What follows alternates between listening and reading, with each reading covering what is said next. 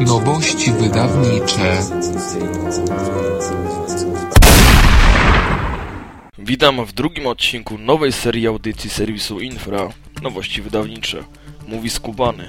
W cyklu tym będą prezentować najciekawsze pozycje książkowe związane z zagadnieniami zjawisk paranormalnych, zagadek ludzkiego umysłu, naszych pradziejów oraz możliwościami człowieka. Jak pewnie zauważyliście na naszej stronie głównej www.infra.org.pl znajduje się zakładka książki i to tam można znaleźć pozycje polecane przez nasz serwis, a nawet przeczytać fragmenty książek. Podobny dział umieszczony jest również na naszym forum Paranormalne EU. W dzisiejszym programie opowiem aż o czterech tytułach. Trzy z nich są zupełnie nowe, a jedna nieco starsza. Chyba już tradycją tego programu stanie się, że będą także wspominać o książkach, które już od jakiegoś czasu można znaleźć w księgarniach, ale do rzeczy. Pierwszą książką jest WW Płyń z proudem życia. Jego autor, Theo Fischer, przez ponad 20 lat pracował jako konsultant do spraw zarządzania. W pewnym momencie zrezygnował z tej funkcji i oddał się swojej pasji, zaczął pisać. Zrozumiał, że zatracił się w otaczającym go świecie i zapragnął od życia czegoś więcej niż tylko realizacji kolejnych pietrzących się przed nim obowiązków. Wynikiem przemiany jest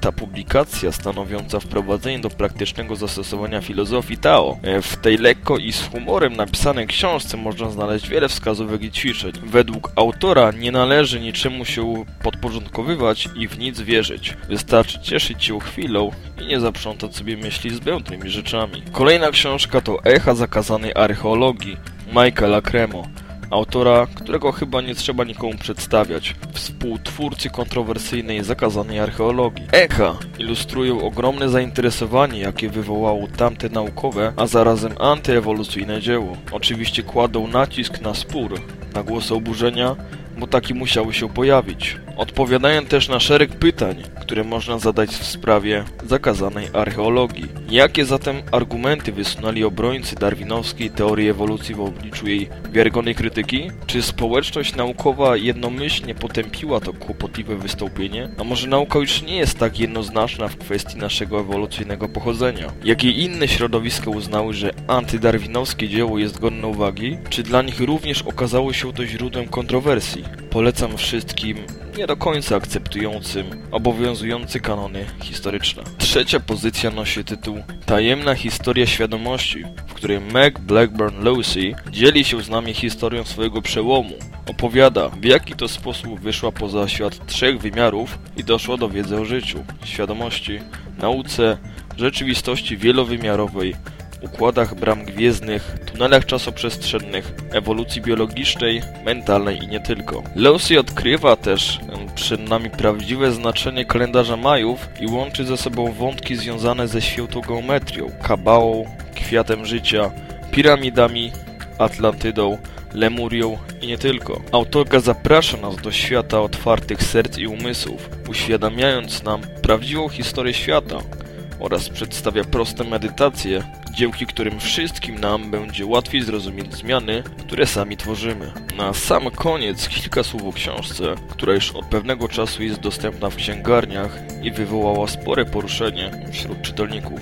Mowa tutaj o DMT Molekule Duszy. Pomiędzy 1990 a 1995 rokiem dr Rick Strassman przeprowadził zatwierdzone przez DEA badania kliniczne na Uniwersytecie Nowego Meksyku, podczas których 60 ochotników otrzymało DMT jeden z najpotężniejszych znanych nam psychodelików. Niniejsza książka stanowi niezwykle szczegółowy opis owych sesji, stawiając przy tym pytanie dotyczące natury ludzkiego umysłu oraz terapeutycznego potencjału psychodelików.